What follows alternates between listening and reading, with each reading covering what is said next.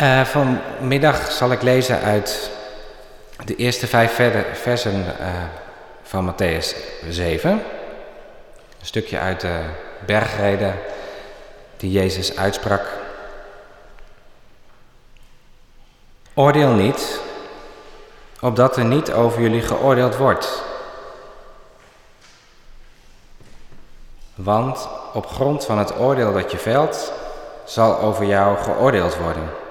En met de maat waarmee je meet, zal je de maat genomen worden. Waarom kijk je naar de splinter in het oog van je broeder of zuster, terwijl je de balk in je eigen oog niet opmerkt? Hoe kun je tegen hen zeggen: Laat mij de splinter uit je oog verwijderen, zolang je nog een balk in je eigen oog hebt? Huigelaar, verwijder eerst de balk uit je eigen oog, pas dan zul je scherp genoeg zien om de splinter uit het oog van je broeder of zuster te verwijderen. Lieve mensen, onze samenleving lijkt steeds meer geoordeeld te worden in identiteitskampen. Elk mens lijkt veroordeeld tot een labeltje of tot een kamp. Je hebt de witte, hetero man, die ook nog middelbare leeftijd is. De bijstandsmoeder, de coronawappie. Je hebt de zorgbehoevende bejaarde of de boze boer. En je kan geen krantenbericht of nieuwsitem zien waarin ook de morele verontwaardiging over je heen buitelt. Over de miljoenen van Siebert van Linden, de regering of die presentator die een scheve schaats heeft gereden. En dan heb ik het nog niet over mijn en jouw kleine oordelen, waar ik en jij het meest vertrouwd mee zijn. Er zijn goede redenen om je naaste te veroordelen. Het is voor zijn of haar best veel. Hij zal er door leren. Maar even vaak is het vooral ook lekker om te benoemen dat hij of zij fout is. En daarmee verhef je jezelf eigenlijk boven de ander. Jij ziet het wel. Jij bent beter dan de ander. Jezus kent het menselijk hart. Hij laat zich niet misleiden door de motivatie die eronder verborgen ligt. Oordeel niet, opdat er niet over jullie geoordeeld wordt. Wat bedoelt Jezus eigenlijk met oordelen? In sommige Bijbelvertalingen wordt het oordeel niet ook vertaald met werp je niet op als rechter. Jezus bedoelt met oordelen iemand corrigeren, bekritiseren of beschuldigen vanwege zijn fouten, zijn nalatigheid of zwakheden. En om in de beeldspraak van de rechter te blijven, iemand veroordelen omdat hij of zij niet aan de maat voldoet. Oordelen werkt voor Jezus heel eenvoudig. Met de normen waarmee jij de ander oordeelt, zal ook over jou de maat genomen worden. Oordeel dus niet, tenzij je solliciteert voor eenzelfde behandeling. Want zo'n kritische geest keert als een boemerang op je terug. En een boemerang in je gezicht krijgen is vrij pijnlijk. Veroordeling bevat altijd iets van zelfrechtvaardiging en creëert afstand jegens de veroordeelde. Het is een ongeoorloofde reflectie op de ander. Het vernielt de eenvoudige liefde die de ander ervaart zoals hij is. Bonhoeffer schreef: Oordelen maakt blind, maar de liefde doet zien. Als ik het kwaad bij de ander zoek, dan geef ik er blijk van dat ik zelf het oordeel hoop te ontspringen. Je ziet dat heel mooi in de parabel van de fariseer en tollenaar, waarbij Jezus opmerkt dat Jezus sprak tot sommigen die zichzelf rechtvaardig vinden en anderen minachten. Maar deze maat kan ook naar binnen slaan in de vorm van schaamte, je innerlijke criticus. Een veroordeling die reikt tot in het diepst van je ziel. Schaamte dat we ons veroordelen om wie we zijn en graag iemand anders zouden willen zijn. Oordeel dus niet. Hoe doe je dat? Jezus verheldert het met een hilarisch en ook confronterend voorbeeld. Hoe kan je de ander aanbieden om een klein splintertje uit het oog te halen, terwijl je niet eens opmerkt dat je zelf een enorme balk in je oog hebt? In zijn onderwijs richt Jezus zich vaak op het oog, als de spiegel van de ziel van de mens, ons innerlijke zintuig. Oordeel niet, want anders zie je verkeerd. Onderzoek niet de ander, maar onderzoek jezelf. Zie eerst de realiteit van je eigen zielenroeselen onder ogen. Want gebruik je niet de tekortkomingen van de anderen om jezelf gerust te stellen voor het oordeel wat je vreest. Haal eerst die balk uit je eigen oog, pas dan zie je helder genoeg. De oproep van Jezus nodigt jou en mij uit tot het loslaten van het oordeel.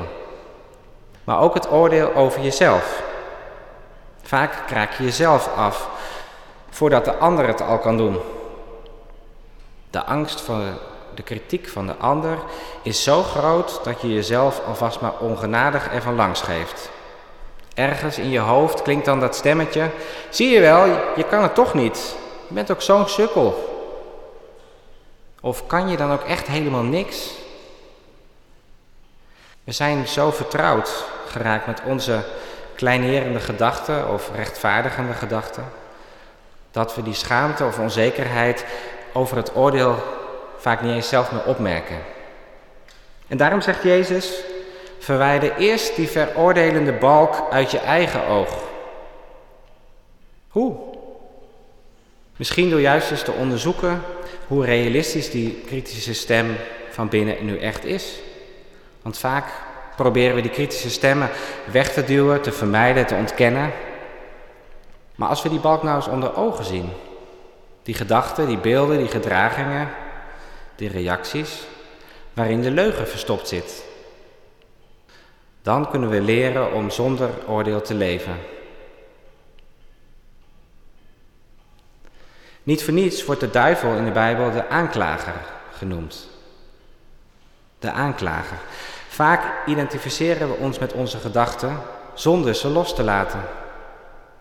Maar elke gedachte die te streng, die te beschuldigend of kleinerend naar jezelf of anderen voelt, is naar alle waarschijnlijkheid niet de stem van God. Ze komen voort uit je eigen bange hart. Waarom denken we zo vaak het tegenovergestelde? Dat de beschuldigende stemmen van God komen en dat de genadige stemmen onze eigen verbeelding zijn. Dat is een weg waarbij je oog steeds verder blind raakt. We kunnen elkaar ook een andere houding aanleren. Die van Jezus, zoals een latere leerling Paulus in de Thessalonicense brief schrijft.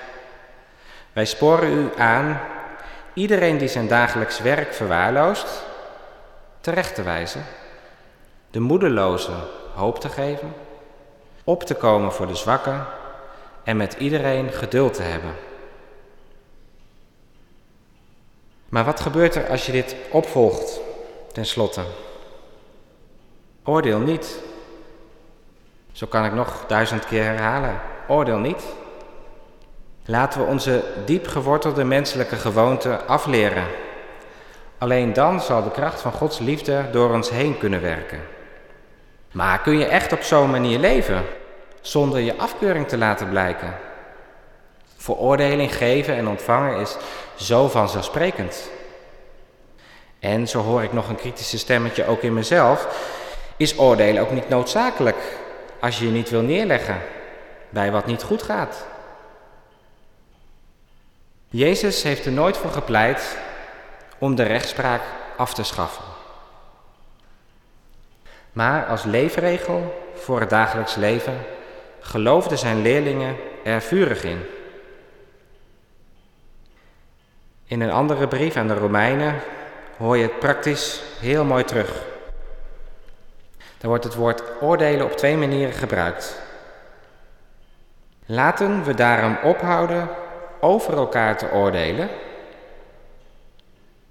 Dus laten we daarom ophouden over elkaar te oordelen. En dan volgt het tweede deel. Oordeel liever of je broeder of zuster niets in de weg legt, waardoor deze zou kunnen struikelen of vallen. Oordeel liever of je broeder of zuster niet iets in de weg legt, waardoor deze zou kunnen struikelen of vallen. Zo'n houding leidt dus niet tot luiheid, maar schept liefdevolle verbondenheid. Deze eenvoudige leefregel, hij is heel simpel, oordeel niet, is moeilijk als we het serieus gaan opvolgen. De blik naar binnen, eerst je eigen oog bekijken, waar mogelijk een enorme balk zit. Maar het maakt wel heerlijk vrij. Volgelingen van Jezus veroordelen niet en ontvangen ook geen veroordeling die op hen gericht is. Er is geen veroordeling meer voor hen die in Christus Jezus zijn. Wie is degene die mij veroordeelt als ik denk aan Jezus die mij niet veroordeelt? Niets kan ons scheiden van de liefde van Christus. Bij het samenstellen van de liturgie van vandaag vond ik een prachtig kinderlied van Ellie en Rickett. Het was overigens ook het enige lied wat ik kon vinden over dit thema. Ligt misschien aan mijn eigen kennis van de liederen, maar dit was het enige lied. Maar die had wel een heel mooi zinnetje en daarmee wil ik afsluiten. Kijk zoals Jezus keek, dan zal het anders gaan. Amen. Dan is er nu een moment om uh, in stilte te reflecteren op het woord. En ik heb daar twee vragen voor uh, bedacht. De eerste vraag is: hoe reageer jij of u als je oordeel ervaart? Zowel als je het voelt opkomen als dat je het hoort van een ander. Dus hoe reageer je daarop? En de tweede vraag, misschien zou je kunnen voorstellen in de stilte Probeer de ogen van Jezus voor te stellen. Wat zie je in die ogen? Dus hoe ga je om met oordeel? En twee, probeer die ogen van Jezus je voor te stellen.